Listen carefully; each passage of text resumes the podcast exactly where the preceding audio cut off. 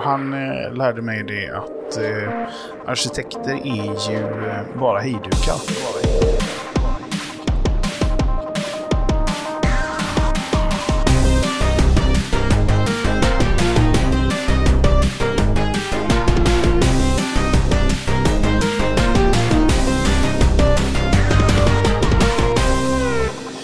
Är inte därför eh, vi sitter här idag och pratar. Hej Ola förresten. Hej, Hur är läget? Daniel. Det är ganska bra. Ja, Jag har varit eh, lite ledig över jul, det var skönt. Ja. Jag har varit i vår tredje storstad, Malmö. tredje storstad, Mm. Malmö. Finns det mer än tre storstäder i Sverige? Nej, det är ju inte... Det finns ju... Eh, Statistiska centralbyrån har ju koll på storstäder. Mm. Storstadsområden. Och då finns det tre stycken. Stockholm, Göteborg och Malmö. Områden till och med, inte städer i sig. Eller vad, varför just områden? Ja, Städer finns ju inte i Sverige faktiskt sedan eh, början på 70-talet. Innan dess så fanns det ju stadsprivilegier. Det fanns en speciell lagstiftning för städer och så, om man kvalificerade sig som stad, det var, de var väl ungefär 50 stycken, så innebar det att man hade en speciell lagstiftning. Eh, som man inte hade då i kommuner, många kommuner. Eh, men det togs bort i början på 70-talet. Då gjordes det om, så att nu är ju då den största kommunen som är Stockholms stad, den eh, heter ju stad då, men det är ju en kommun. Eh, Den har ju en miljon invånare ungefär och de minsta kommunerna har väl kanske 2-3 tusen. Men de lyder under samma, exakt samma lagstiftning. Men du har väl lite avslöjat vad vi ska prata om idag? Ja. Vad är det vi ska prata om idag? För att vara tydlig nu då. Klarspråk. Ja, men vi, den här podden heter ju Storstan Yes. och eh, då tänkte jag att vi skulle definiera våra begrepp lite grann och tala om vad som är en stad och vad som är en storstad. För det finns ju lite olika, olika begrepp att prata om där. Eh, och också det som du just nämnde att vi egentligen inte har städer i Sverige alls. Nej. Men det är ju en lagteknisk fråga. Jag tänker nog ändå att folk kallar det för städer. Det gör vi ju i allmänhet. Men om man går tillbaka till då hur Statistiska centralbyrån ser på saken så, så det, finns det ju ett annat begrepp förutom kommuner. Kommuner är ju, definieras ju av kommungränsen. Ja. Men eh, Statistiska centralbyrån har också ett begrepp som heter tätort. Just det. Och det är ett sammanhängande område med minst 200 invånare där det är högst 200 meter mellan husen. Oh, det var en intressant definition. Ja, så att, och det gör ju då att till exempel i, i storstäderna som man kan säga det som definierar de svenska storstäderna, Stockholm, Göteborg, Malmö, är att det är städer som är större än den kommun de ligger i. Det får du förklara för mig. För att jag känner ju att Göteborgs kommun känns mycket större än själva staden Göteborg. Nej, men om man räknar som Statistiska centralbyrån gör då med, Ja. eh, med högst 200 meter mellan husen, då visar det sig att då sträcker sig Göteborgs tätort, inte Göteborgs stad, men Göteborgs tätort sträcker Okej. sig över in i en massa andra kommuner. Fast den kan en, hur, in i andra kommuner, då blir det väl tätort i en annan kommun? Nej, men det här är jätteförvirrande för mig. Ja, Helt det- nytt. nej, det, här får du, det här får du bena i. Ja, men så här är det. Om man, Stockholms tätort innehåller 1,6 miljoner invånare. Men det är bara strax under en miljon av de som bor i Stockholms kommun. Därför att Stockholms tätort sträcker sig ut i angränsande kommuner. Men betyder det då att om du har så att säga, så att jag förstår nu. Du har liksom hus som står bredvid varandra med Ja. mindre än 200 meters avstånd. Ja, Utav någon anledning så är det från centrala Stockholm och utåt som vi räknar det och inte från andra hållet. ja det är alltså... Statistiska centralbyrån räknar alla orter som har mer än 200 invånare är tätorter. Ja, det, det var jag med på. Ja, och då så räknar man så här, hur sitter de här bebyggda områdena ihop i Sverige? Eh, Och då så blir det liksom fläckar på kartan där det finns tät bebyggelse. Och sen så eh, kan man ju sortera dem i, i storleksordning. Och då är Stockholms tätort störst. Men sen finns det ju en massa an, finns Men var, varför kan inte Huddinges tätort så att säga istället ta eh, delar i Stockholms kommun? Ja, det får man nog fråga SCB om, men de har ju... Men, men det, det är just det. Det känns Mm. lite sådär. Ja, men vi bara bestämmer att det är så för att Stockholm är störst och därför så störst går först typ. Så kan det nog vara. Och Ja. jag tror att, eh, sen är det väl också så att alltså, St- Stockholms tätort innefattar ju liksom det mesta bebyggelsen i, i hela Solna och Sundbyberg. Eh, Så att de har inga egna tätorter. Jag tror Uddinge och Huddinge har ingen egen tät, inget äg, inga egna tätorter heller. Däremot finns det så här, Gladökvarn kan vara en tätort med 400 invånare som ligger i Huddinge. Så, så för ett tydligt exempel för mig då, som sagt, västra Sverige kan jag ju bättre och, och sådär. Men där har du Uddevalla kommun. Ja, Men i Uddevalla kommun så har du ju också Ljungskile. Just det. Och Ljungskile är ju definitivt en egen tätort, men inte en egen kommun. Ja, exakt. Så då skulle egentligen så att säga Stor-Uddevalla Mm. också då inkludera Ljungskile, även om det är två. Nej, om det är mer än 200 meter emellan så... Du kan ha ett mellanrum, med- ja okej, yes. Så då, då är jag säker på att Uddevalla kommun har många tätorter. En i Uddevalla och en i Ljungskile. Jag fattar. Det där är ju är jätteintressant, men framförallt så blev det ju... Det känns som vi direkt kommer in i en sån här stad och land-grej på en Ja, gång. Att precis. just för att Stockholm är så stort och då, då får det expandera utåt och inkräkta i andra kommuner. Medan Ja. andra mindre kommuner inte får inkräkta åt andra hållet. Nej, man kan säga att det är lite taskigt då mot Sollentuna och Sundbyberg och Solna. Som Sundbyberg inte... finns ju inte ens egentligen. Nej, det finns ju inte som en egen tätort, utan det är en del av Stockholm. Fast det är en egen kommun. Men det är en egen kommun. Så det är skillnad på administrativ indelning och eh, hur städerna är byggda. Men jag, jag tycker nog ändå ehm, folk som, som kan och vill, man borde kanske lite ifrågasätta den här idén om att just de största tätorterna ska få expandera ut i andra mindre tätorter. Det, det måste ju inte vara självklart att det ska vara så. För mig känns det på en gång som vi kommer in i den här. Alltså jag tror att det där har nog med historia att göra. Att, Ja. att, eh, för det som händer, om man tittar i den där listan som eh, man är, man är nördig på det här som jag är, så Ja. finns det en lista då som man kan få upp. Man går in på scb.se. Om du, om, ni- om du skickar den här länken till mig sen så slänger vi upp den i våra sociala medier. Det ska vi göra. Eh, och om man går in där och kollar då försvinner ju en massa tätorter. Det här räknar man inte då varje år utan var femte år. Och då, om man tittar i den där listan så ser man så här, men den här tätorten, vart är den tagit? Det var ett streck. Ja. Det är, då är det för att den har uppslukats av en större tätort. Aha. Eller kan det vara också för att den har minskat så mycket befolkning så att den kommer under 200 invånare. Men, i Men hur ska man se på, för att där har vi ett annat exempel, återigen från västkusten. Eh, Göteborg har ju vuxit ihop med Mölndal. Ja, Mölndal är en egen kommun och i någon mening en egen stad. ja. Det finns... Eller det är en egen kommun. Ja, men det finns en väldigt tydlig gräns, alltså som är kommungränsen Ja. mellan Göteborg och. Mölndal. Som inte... Man skulle ju annars kunna tänka sig att Göteborg så att säga äter upp Mölndal. Mm. Men det kanske det gör också om man pratar om en slags stor Göteborg då, eller? Ja, jag skulle säga att det där är normaltillståndet är att, eh, för att om du är kommunpolitiker, eh, då är det där med var, var kommungränsen går är väldigt viktigt. Du kan inte gå in och bestämma en, ens en meter in på grannkommunens område. Såvida man inte jobbar med bulvanbolag och sånt som Göteborg har gjort tidigare. Ja, så för att- privata... Ja, just det. För att köpa Eh, upp mark och annat. Ja, det, det, det där är ju intressant. Det finns ju ett, um, ett markbolag i Stockholm som är, som är den största markägaren i grannkommunen Botkyrka. Ja. Så det är en annan sak. Alltså, Man- det, det, det, man får vara försiktig om, med det där. Ja, ja, nu har vi pratat om det administrativa, så Ja. har vi pratat om hur bebyggelsen ser ut och sen Mm. så finns ju markägandet som är en, en annan nivå på det hela. Ja, ja, verkligen. Och där, där blir det väl då kanske mer så som du är inne på nu, att en kommun är ju sin kommun och äger också därmed, ja, äger inte all mark, du förstår vad jag menar, men det är väldigt geografiskt. Man har en gräns, det här är den här kommunens område. Ja, då kommer vi in på någonting som är väldigt intressant, nämligen det att vad som också, om man pratar om fastigheter och vem som äger marken, så kan man säga att det som definierar en, skiljer en stad från landet är att i staden så finns det allmänna platser som kommunen äger. Som man är, är väldigt praktiskt när det är väldigt tätt mellan husen. För då kan man röra sig genom staden utan att gå över någon annans mark. Just det. Men om du är ute på landet, på landsbygden, då är det ju så att eh, då finns det ingen sån allmän plats där du kan röra dig över. Eh, gå bort till grannen några gårdar längre bort utan att eh, passera annans mark. Men vi får gå på annans mark i Sverige, tack vare allemansrätten. Ja, just det. Men eh, det, däremot så finns det en annan lagstiftning, kan man säga så här, gator. Sådana med trottoarer och som är allmän plats och i kommunens ägo. De regleras enligt plan och bygglagen. De är gator. Sen finns det en annan lagstiftning som är väglagen som reglerar vägarna ute i landet.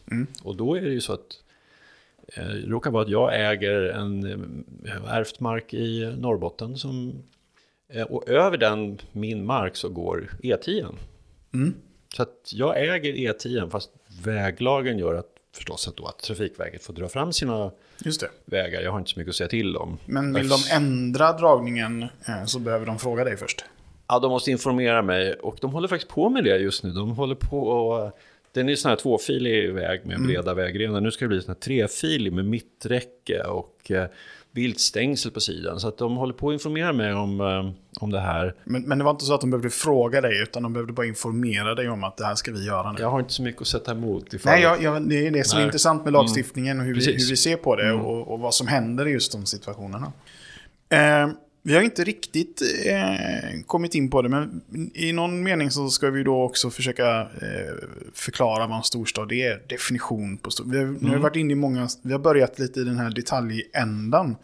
Men finns det liksom någon, någon sån här definition som vi bara lätt kan applicera så att vi kan göra skillnad på det här är en stad, eh, det här är inte en stad. Alltså det här, det gör ju inte det. Det är lite, lite knepigt då för de som eh, vill jämföra städer i olika länder. Det är väldigt svårt. Hur definierar man, i olika länder så definierar man det på, på olika sätt. Och eh, det finns ju de som jobbar med att försöka eh, jämföra stora städer. Och se vilken som är störst och vilken som är störst, mest folk i och vilken som har störst utbredning och så vidare. Och det där brukar bli, eh, det är förrädiskt. Förrädisk terräng att ge sig in på. Men, Men eh, använder alla sig av någon sån slags definition av att städer lite ohämmat kan sprida ut sig runt omkring sig? Bara att du har, till- om du har tillräckligt mycket täta hus i närheten så, så säger man att de hänger ihop och så får du det här som Storstockholm till exempel. Ja, det finns ju vissa städer som, man, som är så urbana konglomerat. Där det liksom är flera storstäder som... Du får nog förklara det ordet. Urbana, klo, vad sa du? Konglomerat? Ja. Alltså det finns ju, framförallt ett känt exempel är då på USAs östkust. De här liksom New York och eh, Washington DC. Där finns det liksom en korridor där de här städerna växer ihop till en eh, sammanhängande område som är jättestort. Men som är då flera olika städer. Men alltså det normal historiskt kan man säga att det är ju, har ju, det ju varit så i London är ett bra exempel på det. Att man, London var ju, City of London var ju liksom ett ganska litet område. Det som fortfarande heter City of London. Och sen så har det växt och det så kommer det liksom olika, The Strand var stranden som gick borta eh, mot eh, Whitehall. Och eh, ja, den blev inkluderad och så fanns det liksom de här olika byarna som eh, åts upp av storstaden. Och så är det ju också med, och det är det normala kan man säga i, i storstäder. Att eh, de har ju liksom växt. Eh, på medeltiden så, då kanske man hade en stadsmur. Med stadsportar. Och så på morgnarna så gick man ut och sen så på kvällen gick man in och låste porten. Så är det inte idag utan städer sträcker ut sina tentakler och äter, sig, äter upp de små tätorterna runt omkring sig. Mm. Så, ändå då kanske tillbaks till att försöka. Ändå, du säger det, det är svårt och, och, och för mig låter... Jag får verkligen upp den här bilden lite av en...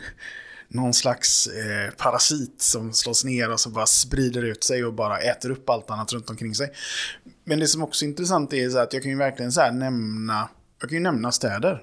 Som är storstäder. Ja. New York, Ja. Boston, eh, Stockholm, eh, Moskva, Ja. eh, Kiev och sådär. Som är väldigt så här. Vi kan till och med gå in på en karta och så är det en punkt och där är den Ja. här staden.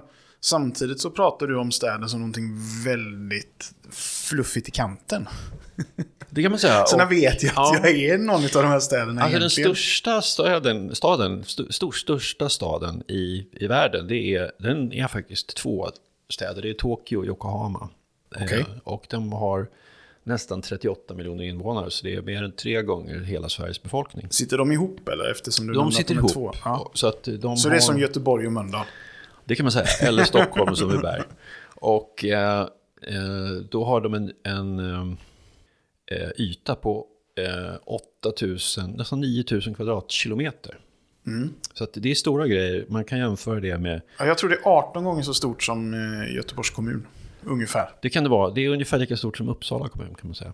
Ja, det, det, ja, då kanske min... För jag har för mig jag läste om Göteborg nu tydligen, alltså själva kommunen, att den var 400... Ja, men nu pratar vi om Uppsala län. så Ja, det- Okej, län. Ja, det är någonting. Där har vi en annan sån intressant uppdelning då som Mm. vi kanske behöver prata om. Och, och, men är det, är det... Du ska vi prata färdigt om, om Japan. Förlåt. Ja, men just det. Nej, men då, då, det är 38 miljoner invånare. Och sen så kan man säga att de stora städerna numera, så var det inte när jag var liten, då fanns det ju som de stora städerna i Europa och USA. Men nu ligger de ju i Asien. Och eh, de eh, åtta största ligger i Asien. Och den nionde är Kairo, ligger ju i, i eh, Egypten, i Afrika. Och sen så finns det Mexico City i Mexiko.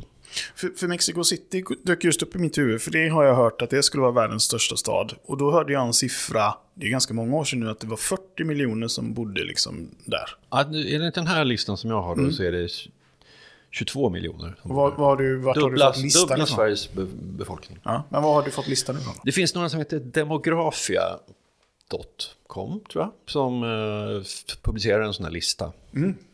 Årligen. Så det här siffrorna är från ja, förra året då. Men Och där kanske, också, där kanske de har någon slags definition på hur de definierar de här områdena. Eller var det den definitionen? jag tror att för att göra en sån lista då är man nog ganska väl insatt i eh, alla olika sätt. Och... Men det är kanske är en bra resurs om man vill hitta någon sån mer... Ja, jag kan rekommendera den. Det, är, eh, om, man, om man vill veta vilken... För de, de klarar också uppenbarligen av då att jämföra städer med varandra, som vi pratade om tidigare, var väldigt svårt. Ja, de jämför då, det finns kan man säga finns eh, tre, eh, eller egentligen två parametrar. Det ena är just hur stor är staden till ytan och hur många bor där. Och om man dividerar dem med varandra så får man ju ut befolkningstätheten också. Och eh, då kan man säga att eh, befolkningstätheten, det, det, befolkningstätheten varierar väldigt mycket. Så om man tar eh, Mumbai i Indien så har de 24 000 personer per kvadratkilometer.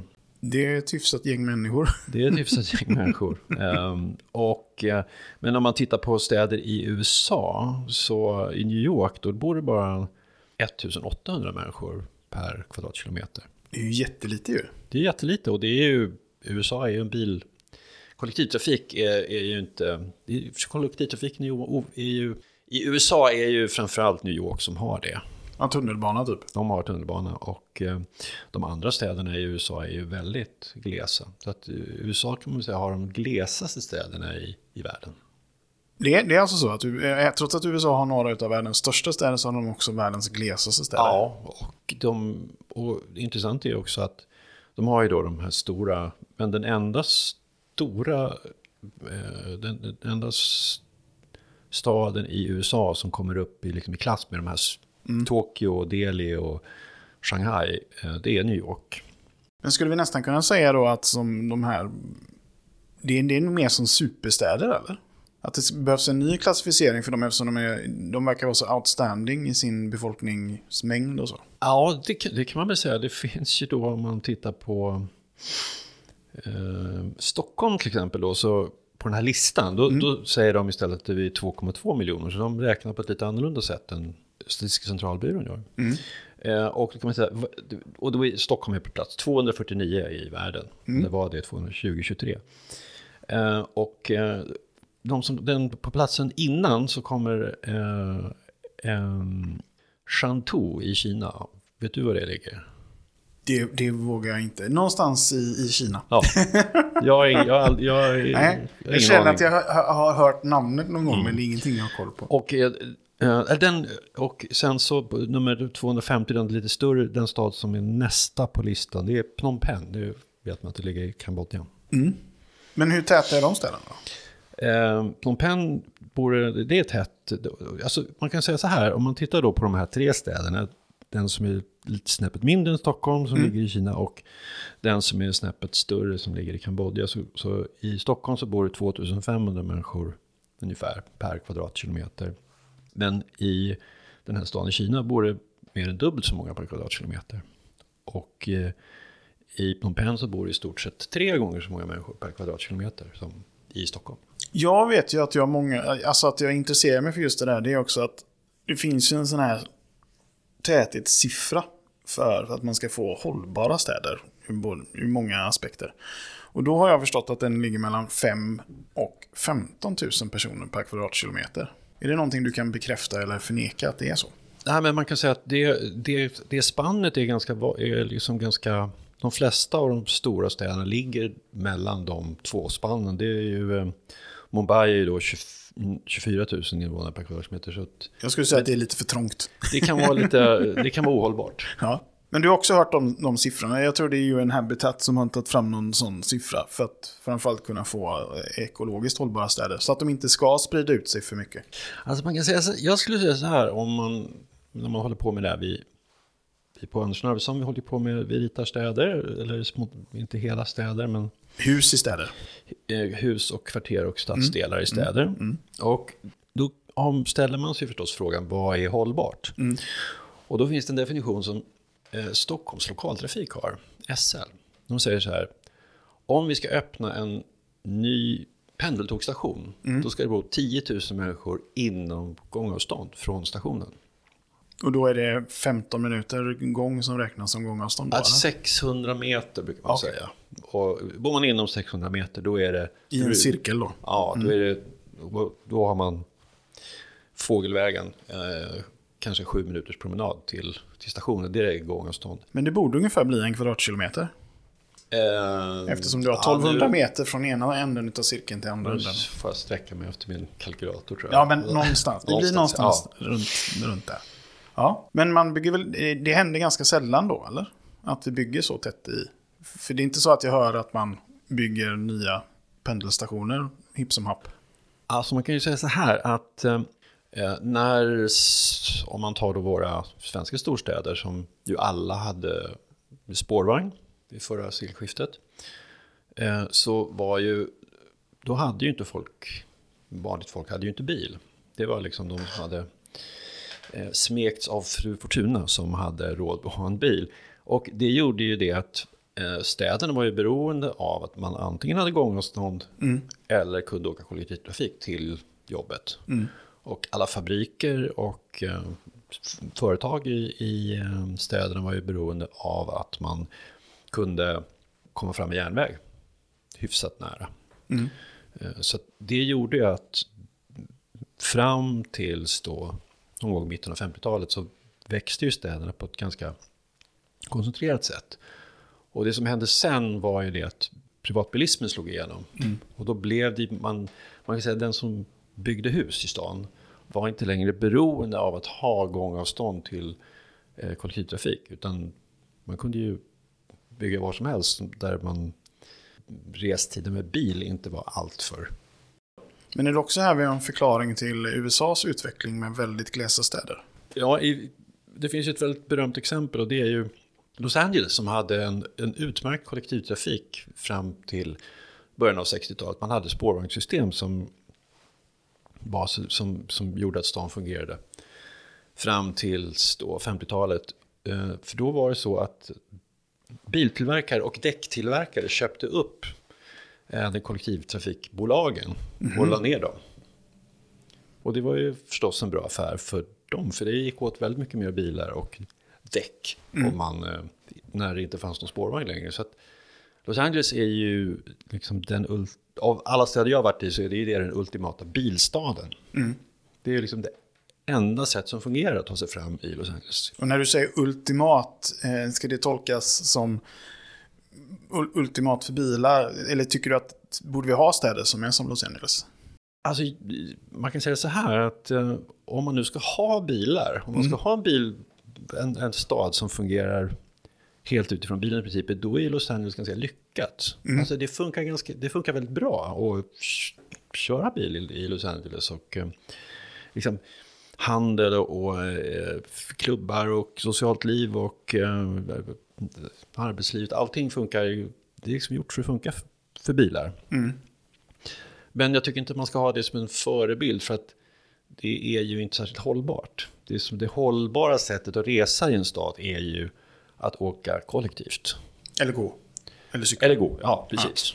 Och då pratar vi, när vi pratar hållbarhet i det fallet så tänker jag att då pratar vi miljö, klimat och så vidare. Det är det som är den stora skillnaden från 60-talet och nu. Ja, alltså bilen, eh, man brukar ju prata om flygskam och sånt. Och Man blir förvånad, det är ytterligare tips för den som vill um, informera sig. Man kan gå in på Naturvårdsverkets hemsida så kan man se. Vi kommer ha en lång, lång lista mm. med länkar. Gå in och plugga här. Ja, precis. Vi, um, vi jobbar för folkbildningen. Mm. Med hjälp av de här myndigheterna som Statistiska centralbyrån och Naturvårdsverket. För då kan man se att flyget står ju för en väldigt liten del av eh, koldioxidutsläppen. Eh, man tittar på, på eh, inrikestrafik, eh, inrikesresande så är, är bilen är väl ungefär tre gånger så mycket utsläpp som, mm. som flyget, eller om det är kanske till och med mer. Och tänker på, ja, men det där är inrikes då, hur, hur man tittar på utrikesresor, då finner man till sin häpnad att det stora eh, klimatbehovet är båttrafik. Mm. Jag är inte förvånad vi... egentligen när Nej. man tänker på det, för att det är ju där all handel går. Ja, exakt. Mer eller mindre i alla fall. En sak som jag, jag tycker vi behöver ta upp, eh, för jag har nog ändå en liten, kanske annan idé om vad en, vad en stad är. Ehm, eller vad som eller så här, i den här ändan ska jag börja. Jag har bott i Göteborg, jag har bott i Trollhättan och lite sådär. Ja. Och jag ju säga att Göteborg är definitivt större stad än Trollhättan. Stockholm är en större stad än Göteborg. Och det sättet som jag märker det mest på, och som jag nog nästan skulle vilja ha med som en så här, det här behöver finnas för att eh, vi ska kunna säga att det är en större stad. Det är ju så här, eh, desto större stad, desto mer unika kulturuttryck finns till exempel. Eller butiker eller alltså ett utbud mm. utav underhållning mm. eller vad vi ska kalla det. För mig är det den stora skillnaden mellan städer. Eh, när jag bodde i Trollhättan så var det verkligen så här. Ja, det finns tre McDonalds i Trollhättan. Mm. I Göteborg finns det 30. Mm. Det är dubbelt så mycket, eller ja, det är tio gånger så mycket människor i Göteborg. Ja. Så underlaget blir... Och så håller det på sådär. Mm. Hur tänker du om det? Ska vi ha med det som en sån här, egentligen slags definition? Det behöver finnas ett visst kulturellt och shoppingutbud för att någonting ska få vara en stad? Jag tror det är mer en konsekvens än, än liksom någonting som konstituerar stad. Eller man kan säga så här, det är ju en, men man kan säga det är en drivkraft. Alltså anledningen till att de stora städerna växer är ju att det finns ett utbud där och det är ju framförallt så är det utbudet av arbetsplatser. Mm. Det finns en stor ekonomi, det finns liksom plats för många människor att försörja sig i staden. Och så är det ju i... Och det, man kan säga att det har ju... Ehm, eh, man går tillbaks till innan eh, industrialiseringen. Mm. Då var ju städerna i en väldigt liten andel av Stockholm, eller av Sveriges ehm, eh, befolkning bodde i städer, kanske var mellan 5 och 10 procent som bodde i städer. Och det var ju för att den stora delen av befolkningen var ju sysselsatt i jordbruket. Mm. Med att eh, fixa käk till sig själva i första hand. Eh, och eh, när sen jordbruket industrialiserades, man, det är intressant att se på, liksom, eh, i det här sammanhanget, att se just på hur jordbruket har utvecklats. För då när jordbruket industrialiserades, då gick det ju plötsligt åt väldigt mycket mindre människor mm. i jordbruket. Och man kunde producera mer käk. Mm. Så att man kunde försörja fler människor med en mindre arbetsinsats. Och det där har ju då eh, fortsatt, den utvecklingen har ju fortsatt och fortsätter ju fortfarande. Så att idag är det ju, tror jag, ungefär 4% av Stockholm, eller av Sveriges befolkning som är, är sysselsatt i, som är jordbruksbefolkning. Men om jag ska, jag, jag tänker jag vill nog ändå, jag hör vad du säger, jag håller med. Eh, men jag kanske vill problematisera eh, det där förhållandet lite grann. För det är fortfarande så att all så att säga, livsuppehållande produktion sker ju i stort sett utanför våra städer. Städerna som vi har idag, de hade ju inte kunnat vara så stora om vi inte hade effektiviserat jordbruket Nej. på det sättet vi har till exempel. Och skulle vi så att säga sätta upp en, en mur runt ja. Stockholm eller Göteborg, ja. så skulle det inte ta särskilt många veckor innan den staden var helt o... Det gick, skulle inte gå att vara där. Vi har ju ett sånt ex, ex, i världen idag, i um, den här årsskiftet 2023-2024, så har vi ett sånt exempel, nämligen Gaza, som är. Är, faktiskt är belägrat på exakt det sätt som man gjorde. Liksom man läser om på, att man gjorde på medeltiden. Mm. Man släpper inte in, man släpper inte ut någon och man släpper inte in någon mat. Och eh, förhållandena blir ju eh, fruktansvärda i princip omedelbart. Ja, det går, inte att, det går inte att leva där. Ja, det blir, man svälter helt enkelt. Mm. Och, och ändå så har vi i, idag ett sånt stort fokus på städerna. Och vi pratar gärna om dem som någon slags, du vet, motor i ekonomin och så vidare. Ja. Eh, och för mig blir det ändå då väldigt tydligt att ja, städerna är absolut motor i ekonomi vad det gäller tillväxt, produktion och alla de här sakerna. Så är det ju.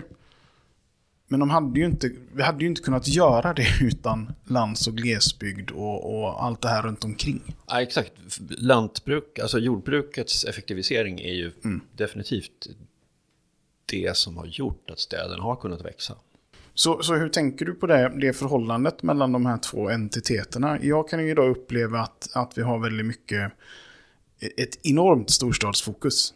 Och det är där man lägger ner all tid och energi och för att försöka liksom få de här regionerna att fungera bättre och så vidare. Och så glömmer man bort eh, landsbygd och glesbygd och allt det där. Hur tänker du om det? Alltså jag tycker att man märker det väldigt tydligt i framförallt den politiska debatten. Att den förs liksom eh, på, i Gamla stan och eh, på Helgeandsholmen i, i Stockholm. Och man ser inte särskilt långt utanför den synfältet. Det, det är ju väldigt uppenbart och man, det vet ju alla som eh, de, det, man kan titta på statistiken så kan man ju säga att, att eh, 60% av alla svenskar bor utanför storstäderna. Mm. Alltså varken i Stockholm, Göteborg eller Malmö. Och jag tror om man gör liksom en, en uppdelning i eh, grovt så i Stockholm, så kan man, eller i Sverige, så kan man säga så här att det bor 30% bor i storstäderna, 30% bor i Sveriges städer och 30% bor i småstäder. Och, och tätorter. Och tätorter. Mm. Och, och uh, ute på landsbygden. Men det är ju kanske bara 10% som bor liksom utanför tätorterna. Just Men det. tätorter, det betyder inte att alla bor i städer. Men det kan ju vara att man bor i en, i en, en by med 300 personer. Då bor man i en tätort.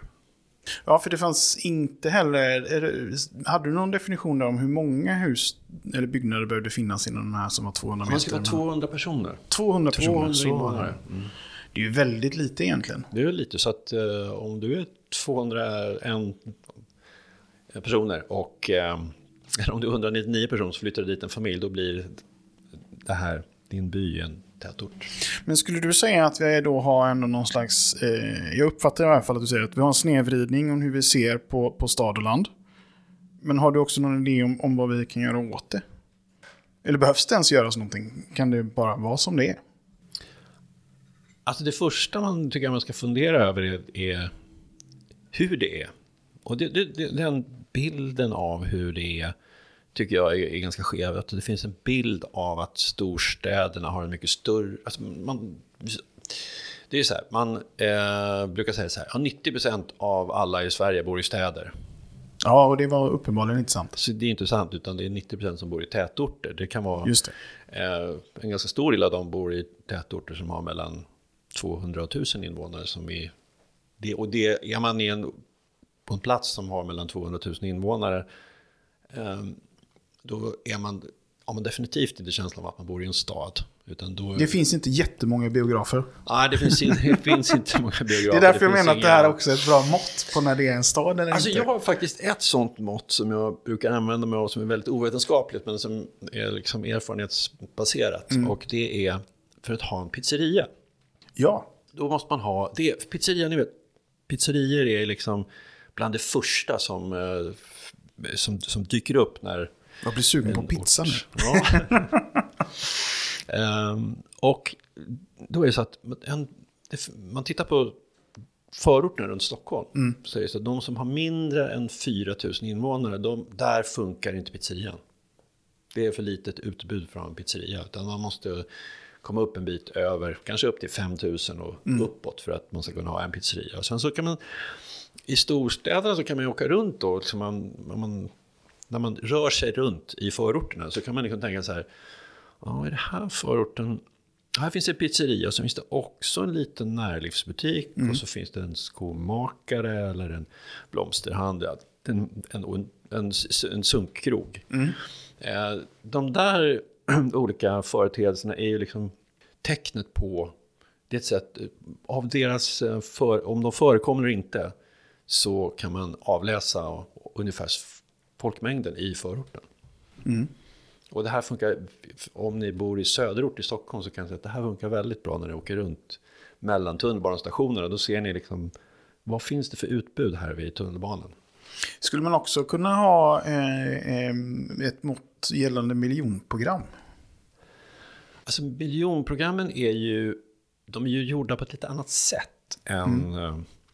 eh, ja, man tar en motsvarande små, till exempel i Stockholm så har vi då i norra Botkyrka så har vi ju Hallunda, Norsborg, Alby och Fittja som är eh, väldigt typiska miljonprogramsområden. Och eh, tillsammans så har de där ungefär 35 000 invånare, eller hade mm. det sista jag kollade i alla fall. Det är ungefär lika stor befolkning som Kalmar. Mm. Men man är, det är en väldigt, väldigt stor skillnad på hur Kalmar ser ut och hur eh, den här eh, bebyggelsen ser ut i Norra Botkyrka. Men det, för det jag tänkte på är att jag absolut inte varit på alla ställen i Sverige, men, men ett antal. Eh, och varje gång jag kommer till en ny stad eh, så, så, är det ganska ofta... Jag vet att den är väldigt liten, om det inte finns ett miljonprogram. Men väldigt många platser så finns det ju ett miljonprogram. Ja. Som jag direkt också så här kan identifiera, ja. känner igen mig på en gång så infinner sig någon form av det här är familjärt och lite stad. Ja. För jag tänker mig också att man, även om man byggde väldigt mycket så byggde man ju inte överallt. Så det är också någon sån här gränsdragning. Ja, exakt. Alltså man hade ju, um, alltså, det där är väldigt olika.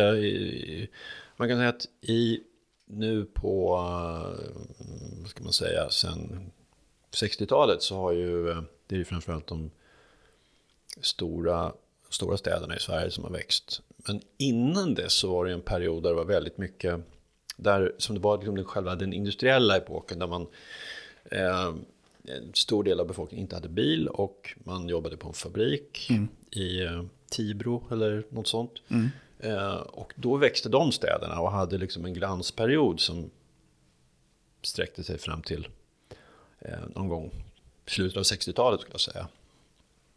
Och sen det som hände sen var, har hänt sen dess kan man säga att sen är ju en väldigt stor del av industriproduktionen eh, har ju flyttat från Sverige. Man säger så här avindustrialisering och det låter lite som om industrin har försvunnit. Så är det ju inte utan det som har hänt är att industriproduktionen har flyttat till Kina och eh, Japan och eh, Kambodja och eh, eh Pakistan och eh, Bangladesh och så. Mm. Och det som är kvar här är ju stor del tjänsteproduktionen. Det är, um... Och det som inte riktigt går att flytta på. Vilket också är tjänsteproduktion. Den, Exakt. För den och, behöver ju vara där folk är. Exakt, så att, tjänst, att liksom övergången från industriproduktion till tjänsteproduktion eh, har ju inneburit, det är liksom det som ligger bakom till stor del att städerna växer i hela världen. Mm. Men jag tänker att vi ska försöka avrunda, men eh, jag vill egentligen då ha två saker. Dels lite framtidsspaning ja. om, om städer kanske, om du har något sånt. Och sen så sammanfattar vi lite vad du och jag gemensamt nog ändå kan komma överens om. Ja, det är det här. Finns det här så är den ja, storstad. Vi, jag, jag tror att en sak får vi inte glömma bort. Nej. Vad är det egentligen som definierar, definierar en stad bortsett från storleken? Mm, bra fråga. Mm. Och jag skulle säga att... För mig är det kulturutbud. Ja, jag skulle säga att kulturutbudet är nog en konsekvens av eh, att det finns en, eh, det finns en täthet. Mm. Att det är ett visst antal, dels finns det en täthet i befolkningen, det finns ett visst antal personer per kvadratkilometer eller per hektar eller mm. hur man nu räknar. Sen finns det också en täthet som är antalet kvadratmetrar golvyta mm. per eh, mark mm. per hektar. Det är liksom bebyggelsetätheten. Mm. Och eh, eh, sen så är det ju, tycker jag också att en, en ganska viktig definition är ju att staden är permanent. Okej, okay, ja. Mm. Man tänker sig att man är på campingplatsen på Roskildefestivalen. Ja. Så bor det ju ganska många människor där. Den skulle i, under en period kunna uppfylla kriterierna för att vara en stad. Är ja. det det du menar? Men och, den är inte permanent, alltså är det inte en stad utan en campingplats. Nej, och den här statistiken då som vi refererar till från Demografia, det är rätt intressant för där kommer det rätt högt upp så kommer som en av världens största städer, ett flyktingläger i Bangladesh som jag tror är eh, flyktingar från eh, Myanmar som eh, mm. drivits ut därifrån. Eh, men ett flyktingläger är ju då, det kan ju bli permanent, mm. men, eh, oft, men, men eh, så länge det, det bara är så att säga FNs tält och eh, mm. tillfälliga arrangemang så är det ju inte en stad, den är inte permanent. För det intressanta med städer är också att de bevarar då på det sättet minnen från eh, sin första tid. Mm. Som eh, ju till exempel Göteborg gör. Eller Malmö eller Stockholm. Tydligaste exemplet kanske är Visby. Som ja. fortfarande har sin ringmur. Liksom, från. Precis, mm. väldigt tydligt sånt exempel. Mm. Någonting annat? Jo, en sak som vi inte får glömma. Och jag tror att nu börjar vi närma oss det här som du pratar om. Och det är det att städer eh, definieras ju också av sin trafik.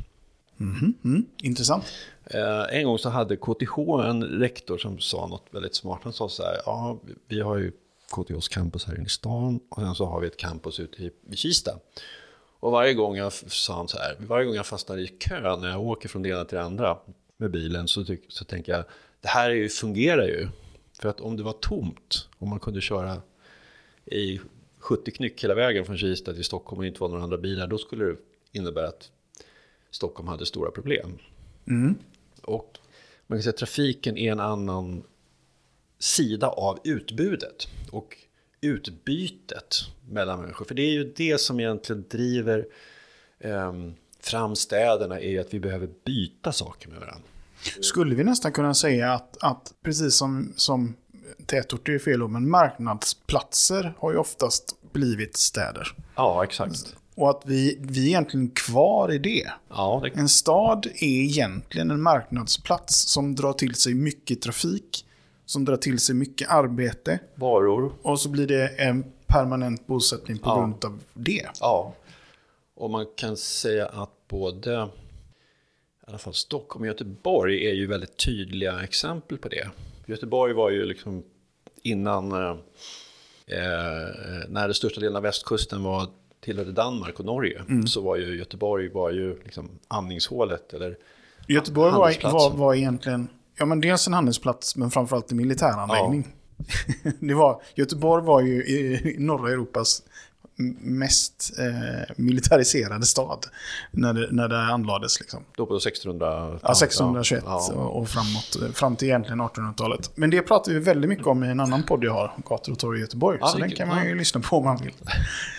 Men knyta ihop säcken var vi ändå på. Mm. Vi har någonstans definierat här, eh, kanske ändå då vad en, vad en stad är. Det behöver vara, det är en handelsplats, det är en permanent.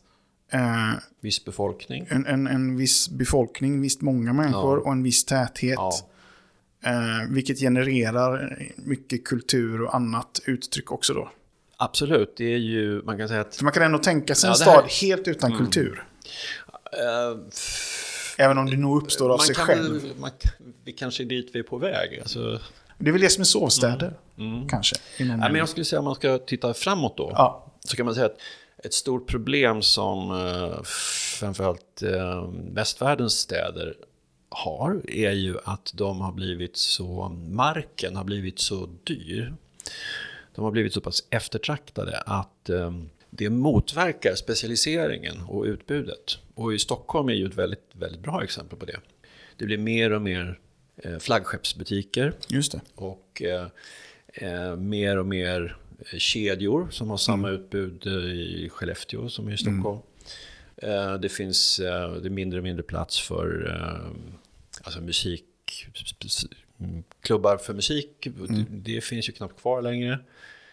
Man kan säga att många av de konstnärliga utbildningarna som mm. fanns i Stockholm för um, fram till um, början på 90-talet har ju flyttat ut i förorten.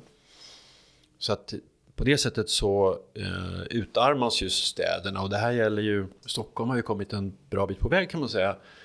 Uh, och uh, om man går till London som ju är ett exempel på vad som händer om staden blir ett investeringsobjekt för mm. Eh, kapital från hela världen så är det ju så att i stora delar av de mest värdefulla eh, dyraste bostadskvarteren i London så är de helt folktomma. För de ägs av folk som är, kommer från eh, USA eller Dubai eller Japan och som kanske är där en gång om året. För att... Det här känns verkligen som ett, ett avsnitt vi någon gång kommer att prata om. Det här med supergentrifiering och allt Ja. det här. Det, det får vi ju definitivt plocka upp. Precis, att, eh, och, men om man då pratar om eh, Sverige så kan man säga att den utvecklingen har ju inte alls gått lika långt i Malmö.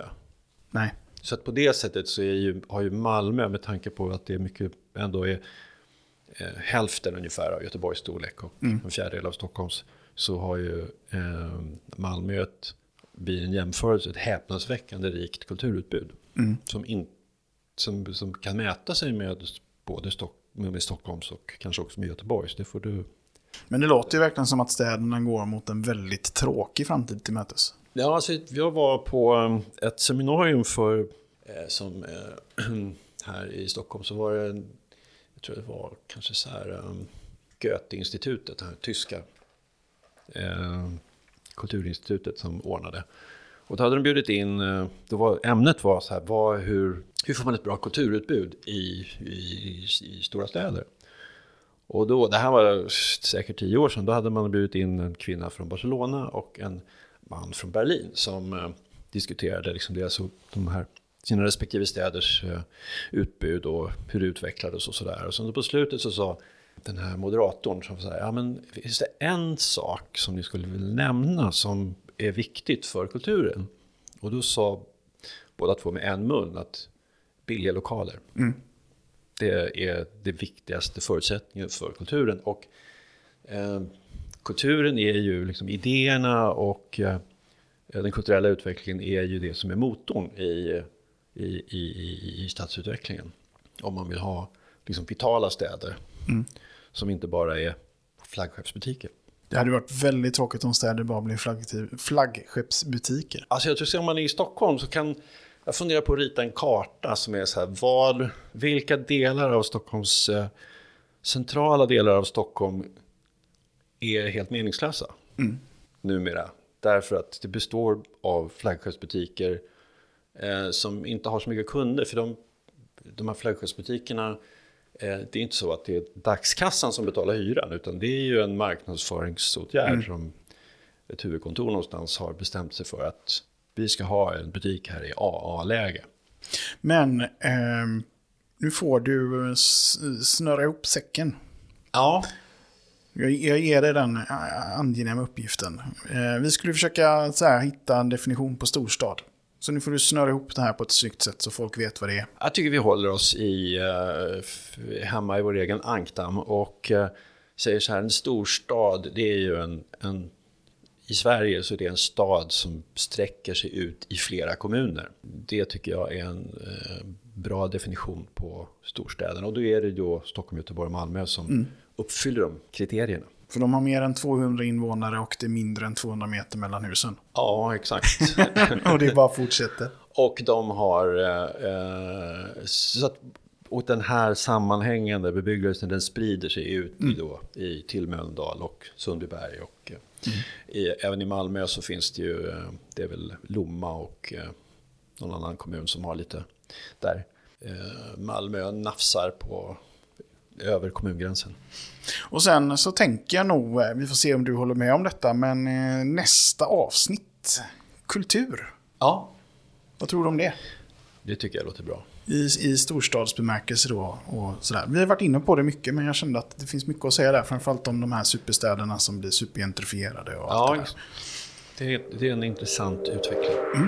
Så det tar vi eh, nästa gång om ungefär två veckor. Ja. Ha det gött!